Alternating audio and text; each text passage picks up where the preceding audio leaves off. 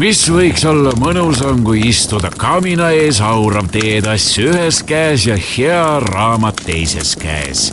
vist ainult see, kui selle hea raamatu saamiseks ei peaks tugitoolist tõusma.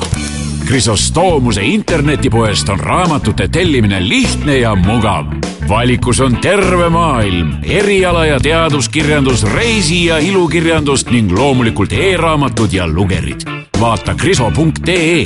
suurima valikuga raamatupood Eestis.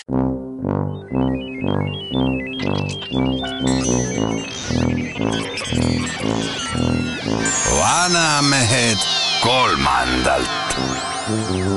vanamehed aitab kolmandale Eesti Koostöökogu. Tere päevast! Eesti Koostöökogust on räägitud seoses väga erinevate sündmuste ja erinevate analüüsidega, mis on valminud, olgu Eesti inimarengu aruanne või siis nüüd viimati riigipidamise kava, millest meil oli eelmine saade, samamoodi oli Rahvakogul eh, just Eesti Koostöökogu õlg all ja elukestva õppe strateegia ja hulk muid tegemisi. mõtlesin, et ehk on kuulajal huvitav teada, mis see koostöökogu õigupoolest on, sest õige sageli küsitakse, et mis see on kes tellib, kes vastutab, kelle heaks töötab.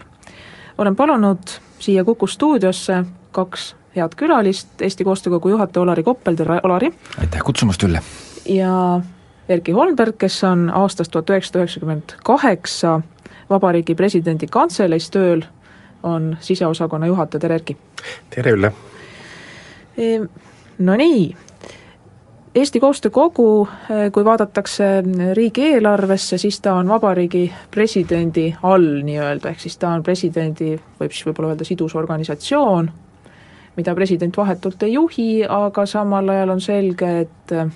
et mingis mõttes on tegevuse suundades ja tegevuses ja selle tegevuse sõltumatuses ja koostööle orienteerituses just eh, presidendi kui, kui niisuguse erakondade ja päevapoliitika ülese figuuri eh, taust aga Erki, sina oled nii pikalt presidendi kantseleis olnud ja, ja suudad ehk kaardistada,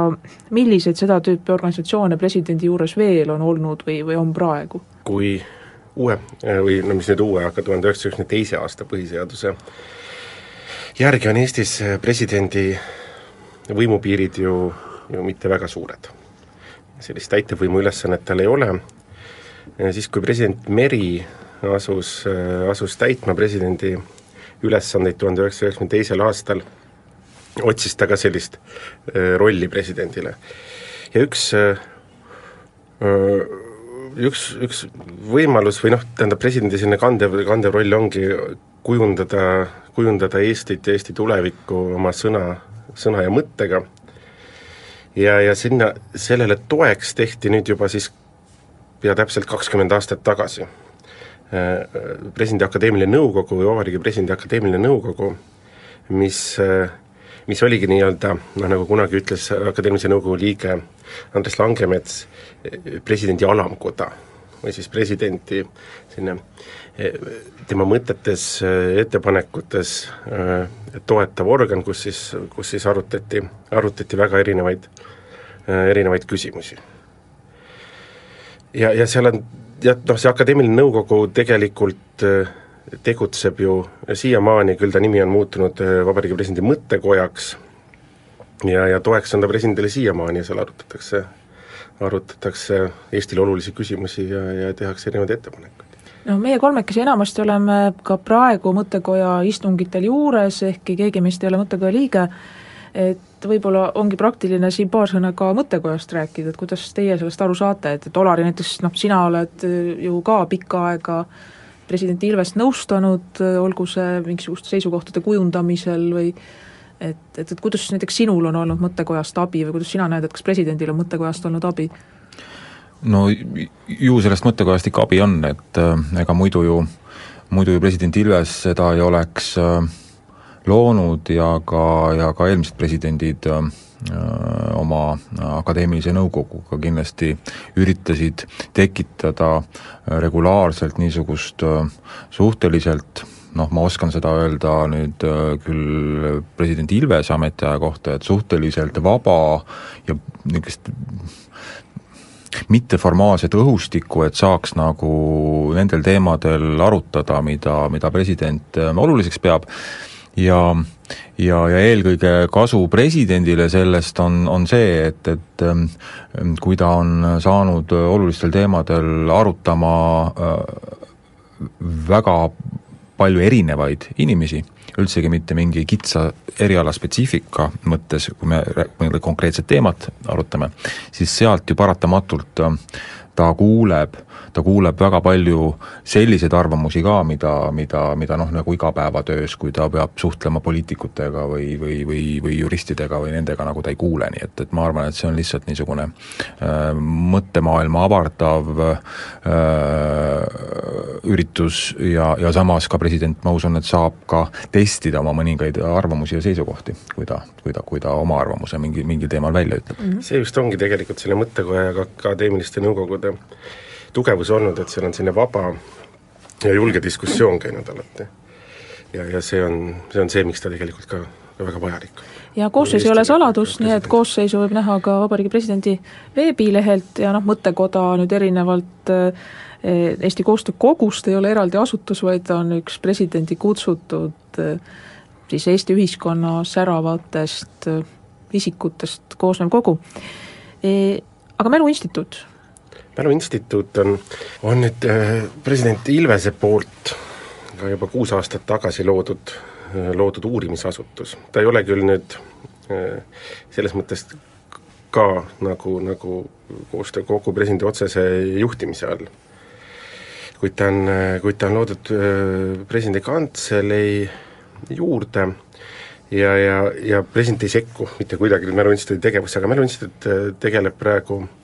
okupatsiooni aja Eesti inimsusevastaste kuritegude uurimisega ja põhirõhk on, on just inimõiguste rikkumisel Eestil, Eestis. ja ta jätkab selles mõttes äh, president Lennart Meri poolt asutatud inimsusevastaste kuritegude uurimise rahvusvahelise komisjoni tööd, mis tegeles Saksa ja Nõukogu, Saksa okupatsiooni ja Nõukogude okupatsiooni esimeste aastatega on avaldanud kaks sellist väga, väga võimast ja, ja, ja põhjalikku, põhjalikku teost sellest ajast, uurijad on, uurijad on Eesti teadlased. ma vaatasin, et seal on ka välismaalastest liikmeid. jaa, välismaalased liikmed on, äh, on, äh, on, on siis selline nii-öelda õpetatud nõukogu või, või selline, selline kõrgem juhtiv organ, kes tegelikult, tegelikult annab, annab siis need uurimissuunad, mida juhib praegu endine Euroopa Parlamendi president ja tuntud Hispaania inimõiguslane Enrique Barón Crespo, ja liikmed on mitmed tuntud ajaloolased, näiteks Timothy Ash ja, ja, ja Norman Naimark ja et selline väga soliidne äh, seltskond, ühelt poolt inimesed, kes on äh, ajaloolased, teisalt ka näiteks äh, Pavel Tsatšek Tšehhist, kes ise juhib Tšehhis samasugust uurimisasutust ja tegeleb nende teemadega. Ja see annab sellele, mis oli ka mõte, et miks peaks olema see, see õpetatud nõukogu seal peal selline äh, rahvusvaheline, mitte Eesti ajaloolastest koosnev.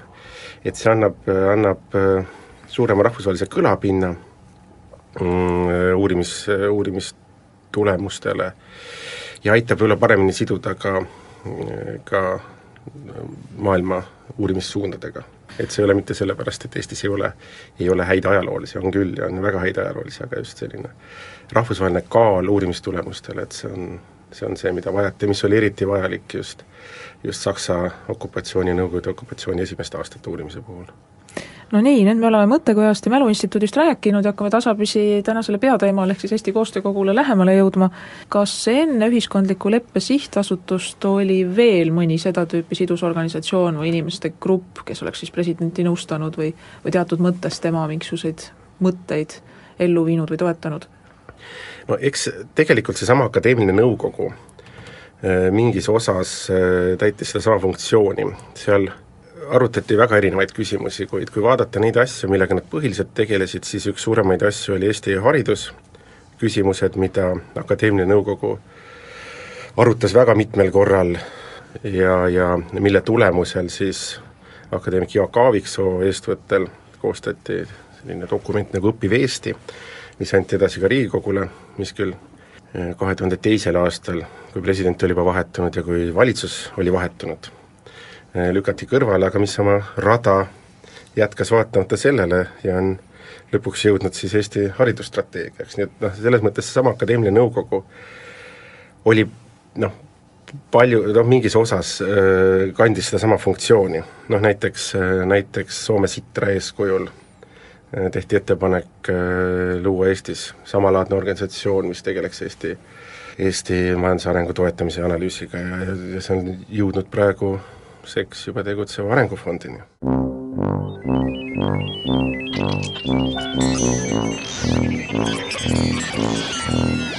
vanamehed kolmandalt. vanamehed aitab kolmandale Eesti Koostöökogu jätkame saadet, räägime täna Eesti Koostöö Kogust ja saate esimeses kolmandikus äh, Olari Koppeli ja ja Erki Holmbergiga meenutasime presidendi nii-öelda sidusorganisatsioone või, või tugiusorganisatsioone ja inimeste kogusid, president Meri, president Rüütli ja ka president Ilvese ajast, jõuame Ühiskondliku Leppe Sihtasutuseni. et see moodustati president Rüütli ajal? see moodustati jah, president Rüütli ajal kahe tuhande kolmandal aastal kirjutati alla siis ühiskondlik lepe ja kuhu esimese hooga ühines vast veidi üle kuuekümne organisatsiooni, kas oli kuuskümmend üks ja hiljem, hiljem liitus sinna veel. ja selle taustaks oli, oli see, et kahe tuhande esimesel aastal enne, enne presidendivalimisi Eesti sotsiaalteadlased avaldasid siis oma, oma üleskutse, kus räägiti kahest Eestist ja, ja ja president Rüütel võttis oma eesmärgiks äh, ka oma esimeses pöördumises Riigikogule äh, lõhede ületamise äh, ühiskonnas ja nii-öelda selle kahe Eesti probleemist ülesaamine, ülesaamise. ja siis selle eesmärgi elluviimiseks ta siis, ta siis asutaski Ühiskondliku Leppe Sihtasutuse, mis tegeles noh, kuna nende osalejate hulk oli ka väga suur, siis oli, oli teemasid, millega seal tegeleda ju, ju väga palju ja see kattis, kattis terve, terve spektri. no nii, Olari, sina koostöökogu juhatajana saad nüüd lõpuks sõna, et saad öelda, et kuna, kuna tekkis koostöökogu, kas ta on kellegi õigusjärglane, mis ta üldse on? koostöökogu äh, asutati sihtasutusena äh, aastal kaks tuhat seitse ehk siis, kui äh, Toomas Hendrik Ilves oli president olnud enam-vähem täpselt aasta. ja ta peaks olema selles mõttes tõepoolest äh, president Rüütli mm, asutatud Ühiskondliku Leppe Sihtasutuse nagu mingis mõttes järglane ka meie põhikirjas, on äh, viide Ühiskondliku Leppe Sihtasutusele olemas, ent president Ilves mingi piirini ikkagi jõuliselt äh, reorganiseeris seda sihtasutust, kuna mis seal salata, need äh, üllad eesmärgid, mida, mida ühiskondlikus leppes sõnastati, neid paraku sellises vormis saavutada ei õnnestunud, põhjuseid on erinevaid ja alates kahe tuhande seitsmendast aastast, kui siis koostöökogu loodi, siis tema, tema roll ja profiil mõnevõrra muutus, ambitsioon olla mõnes mõttes niisuguseks alternatiivparlamendiks või, või jõukeskmeks ähm, presidendi patronaaži all. seda ambitsiooni võeti kõvasti vähemaks ja, ja peale seda minu, minu hinnangul on koostöökogu tegevus üha enam hakanud meenutama äh, niisuguse klassikalise mõttekoja öö, oma, kelle, kelle ülesandeks siis on öö, nii presidenti kui ka teisi öö, ühiskonna asjadest huvi tundvaid inimesi nagu mm, informeerida olulistest ühiskonna teemadest ja, ja seda oleme teinud nii inimarengu aruande vahendusel, mis ilmub äh, praegusel hetkel iga kahe aasta tagant ja järgmine, järgmine kord järgmise aasta märtsi teises pooles peaks välja tulema. või siis mõne konkreetsema uurimistöö alusel, milleks siis praegusel hetkel on, on olnud poolteist nädalat tagasi avalikustatud riigipidamise kava. sellel ei ole niisugust noh, niisugust ambitsioonikust, et, et, et nüüd on, nüüd me oleme midagi öelnud ja nii, nii, nii, nii sündigu, pigem see on niisugune mõttematerjal sealhulgas ka, ka, ka valitsusele, ka erakondadele, Riigikogule. kui nüüd hetkeks põigata tagasi ühiskondliku leppe sihtasutuse juurde, siis kui mälu ei peta, see sündis ajal, mil niisugune ühiskondlik lepe oli, oli ka Euroopas võrdlemisi niisugune populaarne lähenemisviis noh, väga paljudes ühiskondades tekkinud sotsiaalsete lõhede ületamisele või siis kui Iirimaa näide võtta, siis Iirimaal oli majanduslik seis erakordselt kehv ja tegelikult ju see ühiskondliku leppe mõiste tuligi sealt, sellepärast et ühiskond justkui leppis kokku, et et, et majandusliku kokkukukkumise vältimiseks kõik osapooled, alates tööandjatest ja töövõtjatest, noh, tõmbavad oma soovides ja õigustatud huvides mingil määral tagasi. aga sina, Erki, ilmselt mäletad seda päris hästi, kuna sina olid siis kantseleis olemas ja, ja, ja ka seotud sellega. jah, no eks see mõte muidugi Iirimaalt ulatub veelgi kaugemale, et ta läheb juba võib-olla Platoni ja, ja, ja no, ja, ja Rousseau'ni välja ja mida ka, mida ka tihti näiteks toodi. aga see Iirimaa näide oli küll üks neid, mida, mida aluseks võeti ja, ja mille, mille edukust siis sellel ajal, noh see Iiri, Iiri majanduse kriis tuli hiljem ja see ühiskondlik lepe Iirimaal oli ju kaheksakümnendatel aastatel. et see oli just see eeskuju, mida nagu, mida nagu kasutati ja mida vaadati ja millega käidi ka, käidi ka tutvumas, et kuidas seda, seda Eestisse üle võtta. aga see ambitsioon oli muidugi, oli, oli küllaltki suur ja ja vast see saigi sellele saatuslikuks. et ta oli liiga, liiga laialivalguv ühelt poolt, teiselt poolt liiga ambitsioonikas. jah, minu meelest noh, ütleme tõesti, et seda tehti kindlasti heas usus, aga, aga, aga, aga minu meelest kui nüüd sellele tagasi vaadata, siis võib-olla selle puuduseks ja hädaks saigi see, et ta üritas kuidagi pakkuda lahendusi ja vastuseid nüüd kõikidele, kõikidele küsimustele. et kui mina nüüd seda Iirimaa kogemust täpselt mäletan, no mille üle irvhambad võisid ju, võivad ju nüüd ju itsitada, et noh, neil oli küll ühiskondlik lepe, aga aga majandus, tohutu majanduskollaps ikkagi, ikkagi, tuli. ikkagi pangandussektorisse saabus paarikümneaastase viitega. aga no see selleks. et Iirimaal minu teada ikkagi ja mingis mõttes on, ma ei tea, kas see Soomes on kuidagimoodi kir-, kirjalikult või mitte olemas, et seal on tegelikult niisugused ühiskondlikud lepped olemas, kui need on, need on, need on, need on väga kitsalt mingisuguse no, väga konkreetse, väga konkreetse jah. asja kohta. ja ka Iirimaal no, ka ta nüüd ei olnud selline noh, kõikehõlmav, vaid see oli ka konkreetsed, konkreetsed teemad tööandjad, töövõtjad. et kui huvi pärast ju äh, iga huviline võib ju guugeldada ja, ja, ja selle ühiskondliku leppe nagu originaalteksti nagu üles otsida ja tähelepanelikult seda lugeda ja natukene mõelda ja, ja, ja siis nad võiksid, saavad ka tõenäoliselt aru, et miks see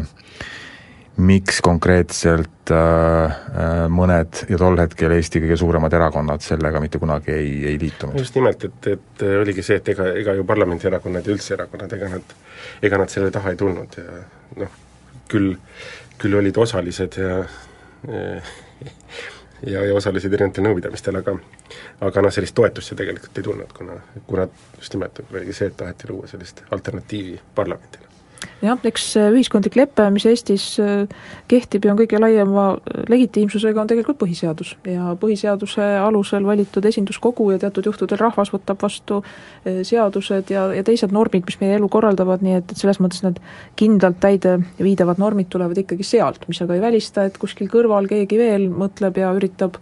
siduda erinevaid huvisid kokku ja leida neile mingisugust tasakaalupunkti ja seda siis otsustajatele välja pakkuda. aga nüüd liikmete juurest ongi hea liikuda Eesti Koostöökogu juurde tagasi,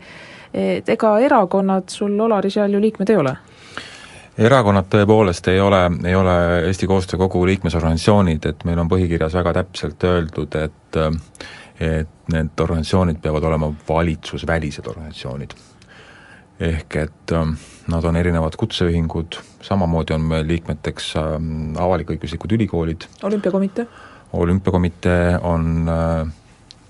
on ametiühingud, äh, tööandjate organisatsioonid, et äh, samal ajal ka, ka pensionäride organisatsioonid, üliõpilaste liit,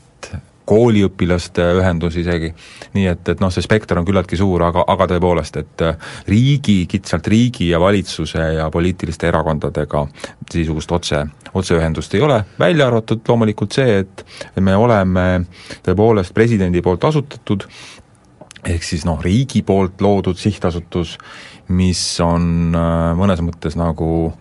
lisab meile kindlustunnet, aga teisalt äh, teisalt me ei saa ka endale vastu rinda peksta ja öelda, et me oleme mingi vabaühendus või niisugune täiesti, täiesti, täiesti niisugune nagu rahva, rahva poolt sündinud asi, et, et mõnikord nagu mul on veel meeles, et pa-, pa-, paari aasta eest veel, veel noh, nagu üritati kergelt nagu ette heita meile, et, et koostöökogu nagu pretendeerib öö, kodanikuühiskonna huvide esindamisele, no ma ei tea, võib-olla niisugune pretensioon on kunagi olnud, aga, aga sellest ajast, kui mina koostöökogus töötan, see on siis aastast kaks tuhat kaksteist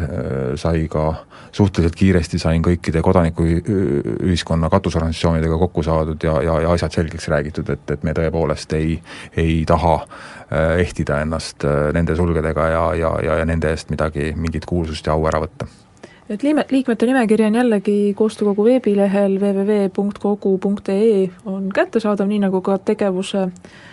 tulemused ja eesmärgid, sama, samuti seesama riigipidamise kava, nii et et neid liikmesorganisatsioone on tõesti päris palju, kas igaüks saab liikmeks? põhimõtteliselt küll, et ähm, välja arvatud erakonnad. ta peab olema, vastama nendele tingimustele, ehk siis olema see valitsusväline organisatsioon ja ta peab jagama siis, jagama siis tõepoolest neid äh, sihte ja eesmärke, mis on ühtpidi koostöökogu põhikirjas kirjas ning äh, meie sisulisse programmdokument, mida me nimetame hartaks. Ja harta, iga äh, konkreetset hartat siis äh, on ka seotud selle vastuvõtmise aastaga, viimane harta, viimase harta võtsid liikmesorganisatsioonid vastu selle aasta suvel ja selles on siis need valdkondlikud ülesanded, mida liikmesorganisatsioonid on Eesti Koostöökogule järgmiseks kolmeks aastaks pannud, et millega milles nemad näeksid, et see on praegu hetkel kõige olulisemad teemad, millele koostöökogu peaks, peaks keskenduma.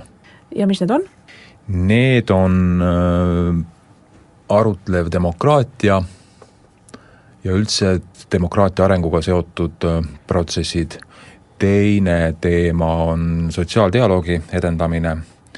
ja kolmandaks teemaks on äh, Eesti riigipidamise kestlikkus. ehk siis tegelikult täpselt need, need, need asjad, mida, mida koostöökogu on juba, omab oma eelneva töö tõttu kompetentsi ja kus liikmesorganisatsioonid on, on, on, on näinud vajadust seda tööd veel järg-, vähemalt järgmisel kolmel aastal edasi teha. no ma saan aru, et vähemusrahvuste teemal nüüd koostöö korraldamine või teatud uuringute tegemine või või, või kokkulepete ja koostöö otsimine, et see praegusel hetkel aktiivsete tegevussuundade hulgas ei ole. et sina, Erki, ilmselt mäletad ka neid aegu, kus olid äh, vähemusrahvuste ümarlau-, ümarlauad ja ja mingi tegevus ka selles sektoris? jah, äh, tuhande üheksasaja kolmandast aastast presidendi juures tegutses vähemusrahvuste ümarlaud, noh mis siis tekkis äh, Eesti Rahvuste Ühenduse ja erinevate kultuuriorganisatsioonide ettepanekul, et ju luua kas presidendi, täitevvõimu või Riigikogu juurde selline rahv-, rahvusvahelisi vähemusi esindav kogu, selline nõuandev organ. hiljem, äh, hiljem see vajadus veidi muutus, kui, kui, kui loodi praeguse integratsiooni sihtasutuse eelkäijad ja, ja noh, see teema on liikunud nagu presidendi kantselei juurest, juurest kaugemale, Rahvusvaheliste Kultuurikoda asub Kultuuriministeeriumi juures, mis loodi ka ju kunagi Rahvusvaheliste Ümarlaua juures. Jah, neid ühendusi on praegu vist päris mitmeid, et näiteks Noorteühendus Avatud Vabariik tuleb meelde, eks ole, ja siis see mi-, mitte-eestlaste integratsiooni sihtasutus just, just, just, just, just. jah, ja ma siin täpsustan, et, et ähm, pronksiöö sündmuste tuules tegelikult ja selle mõjuna tegelikult kas kaks tuhat üheksa või kaks tuhat kümme tehti järjekordne katse see oli kaks tuhat üheksa. või kaks tuhat üheksa luua äh, ja loodigi äh, Rahvuste Ümarlaud, loodi see mm, Eesti Koostöö Kogu juurde, ent ähm, erinevatel põhjustel, äh, sealhulgas kahjuks ka majanduslikel põhjustel, kuivõrd kärbiti, oluliselt kärbiti Eesti Koostöö Kogu äh, eelarvet, äh, jäi selle tegevus aasta hiljem soiku ja ja mulle suurt midagi ei meenugi sellest Rahvuste Ümarlaua tööst muud, kui et äh, selle aasta alguses koostöös Rahvuste Ümarlauaga andis, andis koostöökogu välja president Ilvese kõnekogumiku vene keeles. Need on väga huvitavad, väga sõnakad arvamusliidrid, kes selles mm, ümarlauas mm, osalesid ent äh, nendel samadel põhjustel ka, mida, mida te siin ise äsja äh, mainisite, ehk et, et selle teemaga tegelemist on äh, ka õige mitmes muus kohas, siis lihtsalt on tulnud teha nagu kompromisse ja, ja, ja saada aru, et nagu päris kõigega lihtsalt ei, ei, ei jaksa, et, et see tee-... tegelikult tõesti on, on olemas ju tõesti teised asutused, kes sellega tegelevad, et aga kas nemad on liikmete hulgas ka? või on nendega mingisugust koostööd praeguseni säilinud? Nendega meil on selline koostöö säilinud, et me anname regulaarselt äh, teada nendest äh, teemadest, mida, mida koostöökogu mm, äh, parajasti käsitleb ja, ja, ja nad on alati oodatud ka külalistena koostöökogu nõukogu koosolekutele. ja loomulikult on neil alati kutse kõikidele meie avalikele üritustele. no nii, võib-olla kõige enam tähelepanu pälvinud, kui me selle riigipidamise kava jätame hetkel kõrvale, eh, on Eesti inimarengu aruanne. ja peale väikest reklaamipausi eh, lähemegi edasi küsimusega sellest, kellele ja milleks on tarvis Eesti inimarengu aruannet ja miks seda peaks tegema just Eesti Koostöökogu.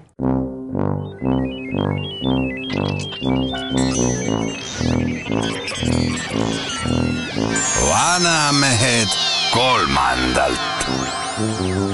Vanamehed aitab kolmandale Eesti Koostöökogu. Jätkame saadet, räägime täna Eesti Koostöökogust, aga ka oleme siin kõnelnud teistest Vabariigi Presidendi juures asuvatest äh, inimeste kogudest, nagu Mõttekoda ja, ja ka erinevatest ühendustest ja asutustest, aga nüüd oleme jõudnud põhiteema juurde ja sealt veel edasi, et ehk siis äh, Eesti Koostöökogu töö tulemuste juurde, inimarengu aruanne, nagu enne reklaamipausi sai välja lubatud. et jällegi eelmine ei olnud esimene ja järgmine ei ole teine, vaid inimarengu aruandel on ka märksa pikem ajalugu. ajalugu on päris pikk jah, et ähm, kui ma nüüd aastanumbreid ei julge öelda, kuid üheksakümnendatel hakati eh, seda Eestis välja andma ja siis, kui me olime ju väike, suhteliselt vaene, ta-, taasiseseisvunud ähm, riik ja siis seda mm, aruannet anti välja, kui mu mälu nüüd mind ei peta, siis vist ÜRO toetusel, rahalisel toetusel et teadlased said ja selle asja nagu finantseerimine tuli, tuli Eestist väljast. siis vist ühel hetkel Eesti enam ei kvalifitseerunud seesugust abi saama, ehk siis anti mõista, et äh, tehke ise. misjärel tekkis selle väljaandmisel Eestis mõningane paus. see oli vist paar aastat, on ju? jah, ja, ja Eesti Koostöökogu võttis siis selle selle aruande mm, väljaandmise uuesti enda kätte ma nüüd ei mäleta, mis aastal see oli, see võis olla kaks tuhat viis või kaks tuhat kuus, millal seda tegema hakati, ja on, on siiamaani on see, on see töö käinud. jah, seda kuskil, kuskil kahe tuhande viiendal, isegi neljandal aastal tuli siis, tuli siis uuesti see, see välja. ja praeguseks on, on noh, kuigi see võib ähm, kõlada niisuguse kerge õla pea, enese õla peale patsutamisena, aga aga seda on ja, ja võib-olla põhjusega on nimetatud Eesti sotsiaalteaduse aastaraamatuks. see on, äh, ma pakun, äh, parlamendis ja valitsuses üks äh, enim loetud ja enim tsiteeritud kogumikke. jah, kui sellist täpset informatsiooni võib-olla liigub Eestis teinekord liiga vähe või, või ei liigu üldse, siis, siis selle, selle kogumiku. Plussiks on see, et, et seal on põhjalikult, põhjalikult uuritud ja käsitletud kõiki neid teemasid, et. Jah, sest põhimõtteliselt võid ju minna Statistikaameti veebilehele, mis on vägagi tänuväärne materjal, aga inimestel on reeglina kiire ja paljud ei ole ka harjunud tegelikult seda tüüpi informatsiooniga töötama ja minule isiklikult küll meeldib pigem võtta see inimarengu aruanne ette, vaadata peale numbritele, mis on juba esitatud natukene paremini jälgitaval kujul ja siis on seal ka Eesti erinevate ülikoolide tunnustatud teadlaste seletused juures, mis annavad sellele ka noh, ausalt öeldes näiteks minule huvitava inimliku mõõtme. sellise laiema konteksti kogu asjale, et sa saad ka nagu nendest numbritest aru ja saad vaadata numbrite taha. Ehm, küsiks nüüd kohe kiusliku küsimuse, olles ise olnud oma pika ametniku tegevuse jooksul erinevates töörühmades, kes on ikka rõhutanud seda, et, et kui maksumaksja raha eest või kas või kaude maksumaksja raha eest midagi tehakse, et siis peab seda materjali näha ka olema, kui see just riigisaladus ei ole. et, et kust, kus neid inimarengu aruandeid näha võib? inimarengu aruandeid äh füüsilisel kujul peaks saama hästi varustatud äh, raamatukauplustest, tõsi küll, mitte tasuta, vaid äh, noh, olgem ausad, ikkagi suhteliselt sümboolse summa eest siiski,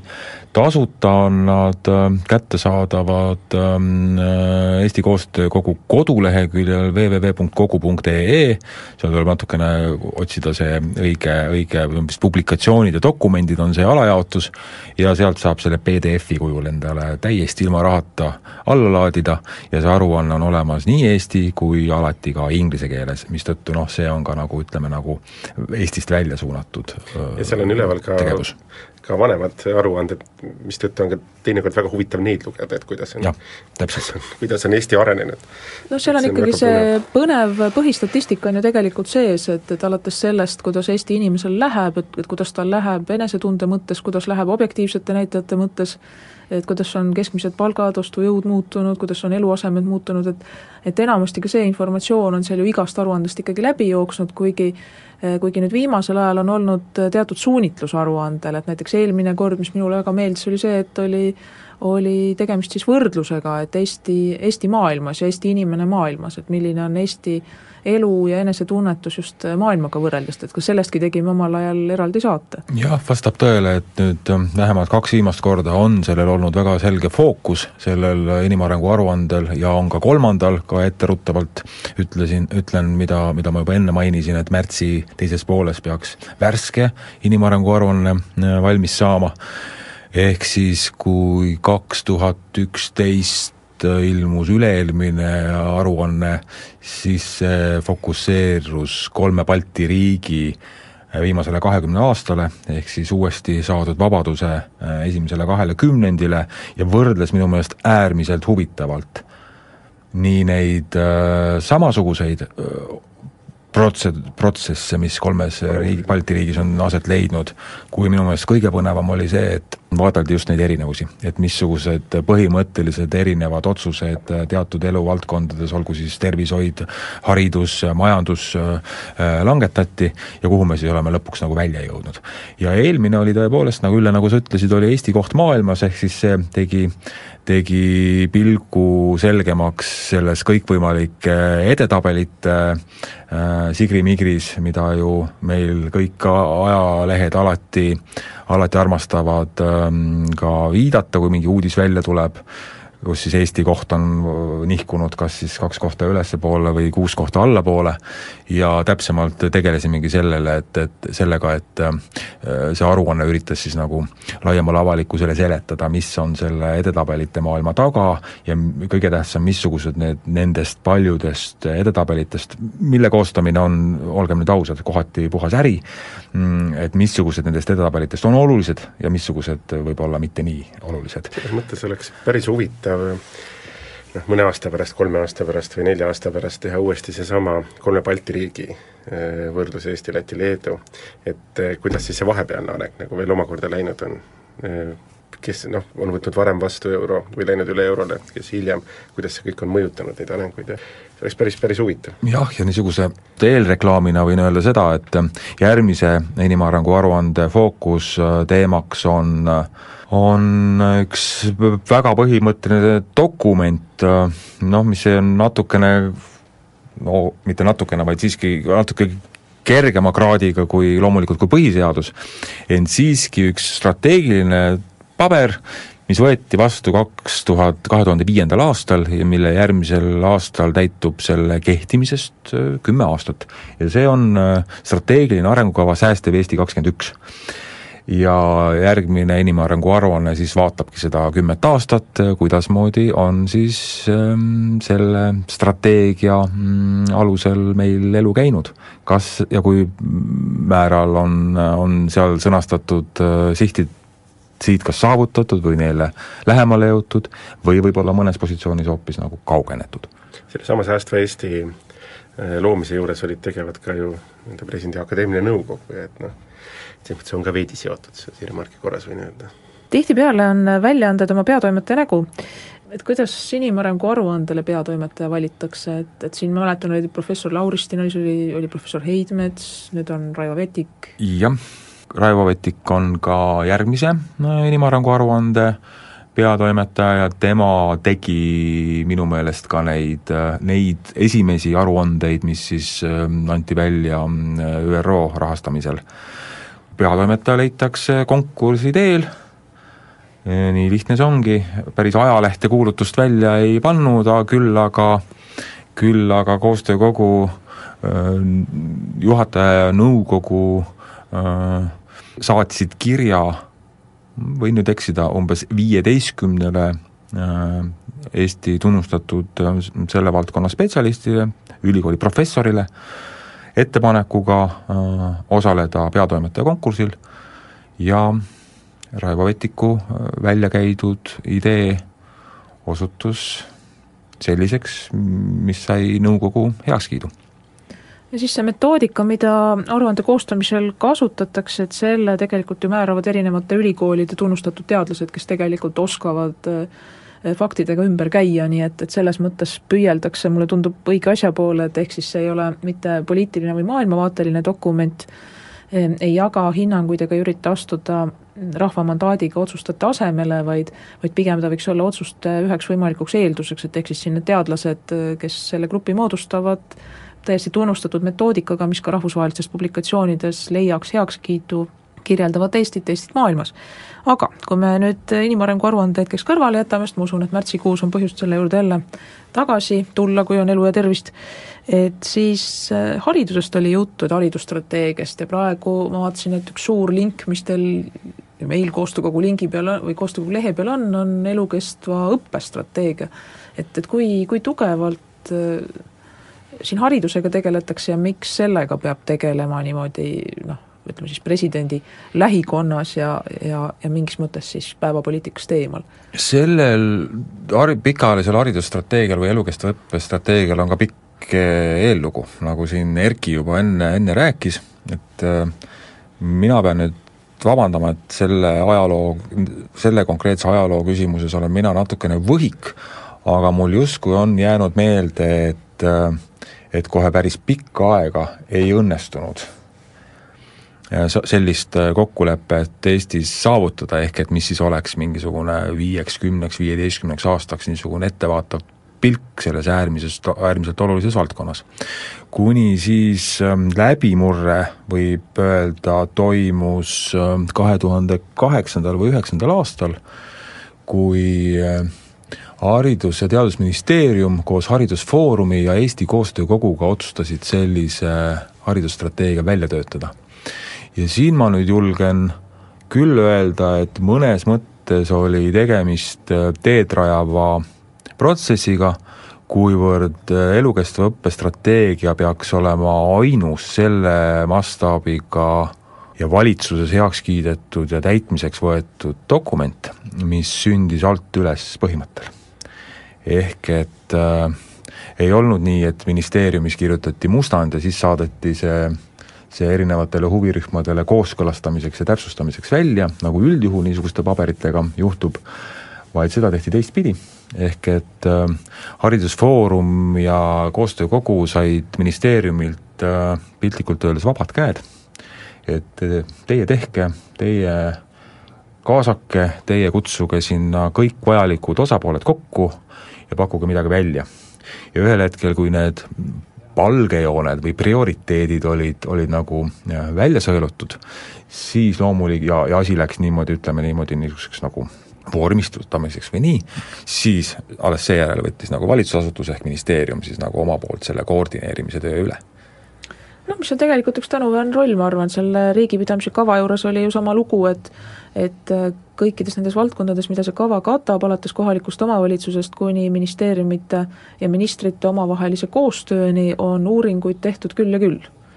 ja just koostöökogu siin äh, seadmata ennast eriliselt esiplaanile, kaks aastat nägi vaeva, et, et kõik need varasemad uuringud kokku võtta, läbi vaadata,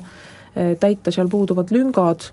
tuua inimesed ühe laua taha sõbralikult ja ilma, et keegi saaks sellest punkti või kaotaks punkti, ilma et otsitaks milleski süüdlasi, vaid küsimus on, et kuidas edasi, sest seni on tehtud hästi ja edasi saab teha jälle hästi. nii et, et selles mõttes mulle tundub, et eri valdkondades niisugune lähenemine võiks ju töötada küll. see elukestva õppe, õppenäide ongi tegelikult selline noh, kust võiks nagu, nagu teised õppida ja, ja, ja mujalgi, nii jah, sest et eks neid põhjusi, miks see nii läks ja ja miks see, ütleme niimoodi, isegi hästi läks, on tegelikult mitmeid, aga minu meelest tõestas see, see taaskord ära, et, et Eesti Koostöö Kogu võib-olla ongi niisugune keskkond või, või formaat või platvorm või ma ei tea, mis, mis piduliku sõna me siia juurde veel paneme, kus tegelikult ilma, ilma niisuguse tarbet tõttu nügimise ja pingeta tegelikult saavad kõik asjast huvitatud pooled äh, rahulikult oma seisukoha välja äh, öelda ja, ja, ja, ja kokkuleppeid otsida. mis on, mööngem, veidi raskendatud, kui see toimub äh, niisuguse tugevama positsioonilt, noh, kelleks, kellegi, kelleks ministeerium noh, tahes-tahtmata on. või kellegi huvitatu, huvitatu juhtimisel või, või eestvedamisel et no. see ongi selline neutraalne pind tegelikult, kus saavad sellised, sellised asjad sündida ja kokkulepped äh, kasvada et no nagu inimsuhtlus on, et tihtipeale võitlus käib ikkagi maine ja võidu ja kaotuse pärast ja ja see on ka päris loomulik, et, et poliitiline võitlus peab olema avalik ja see on täiesti loomulik, et kõik, kes selles võistluses osalevad, ehk siis pürivad kas Riigikogu liikmeks või kohaliku volikogu liikmeks või ministriks, et eks nemad peavadki hoolitsema selle eest, et nende enda enda renomee oleks võimalikult puhas ja hea ja nende saavutused võimalikult pikaajalised ja võimalikult kiidetud, ja teised jälle vastupidi, on huvitatud äh, sellest, et neid siis võib-olla vähendada, et selles mõttes jah, et seal natukene asjadest kõrval olles on, on lihtsam üht-teist kokku siduda. E, rahvakogust me pikalt rääkida ei jõua, aga eks see oli ikkagi selles samas laines, et kuidas tuua inimesed kokku, kuidas leida rahulikult läbi arutatud lahendusi ja mainida saame lihtsalt seda, et mulle jäi meelde, kui oli ÜRO Peaassamblee, et siis ju tuli uudis, et, et see Meie Rahvakogu,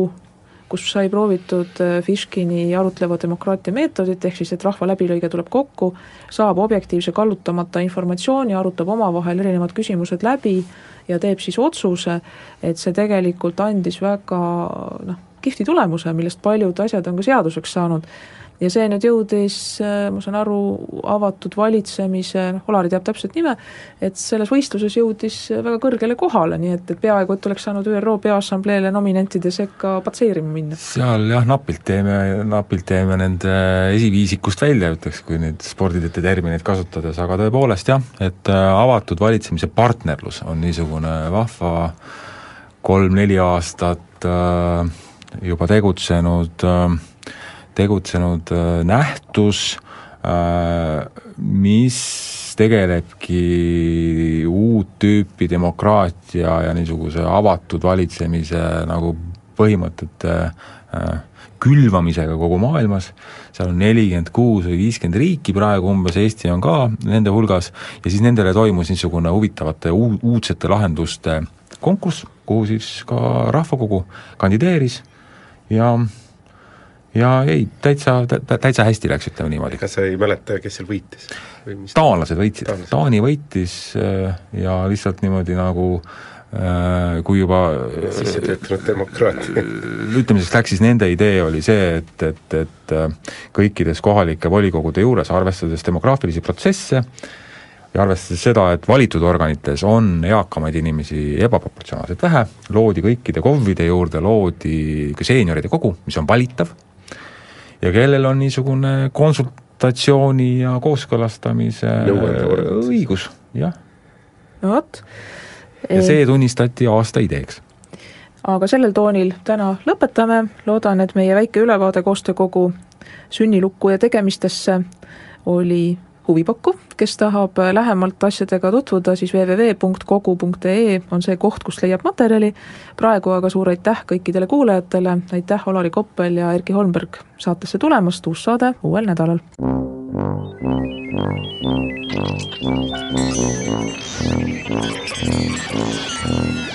vanamehed kolmandalt. vanamehed aitab kolmandale Eesti Koostöökogu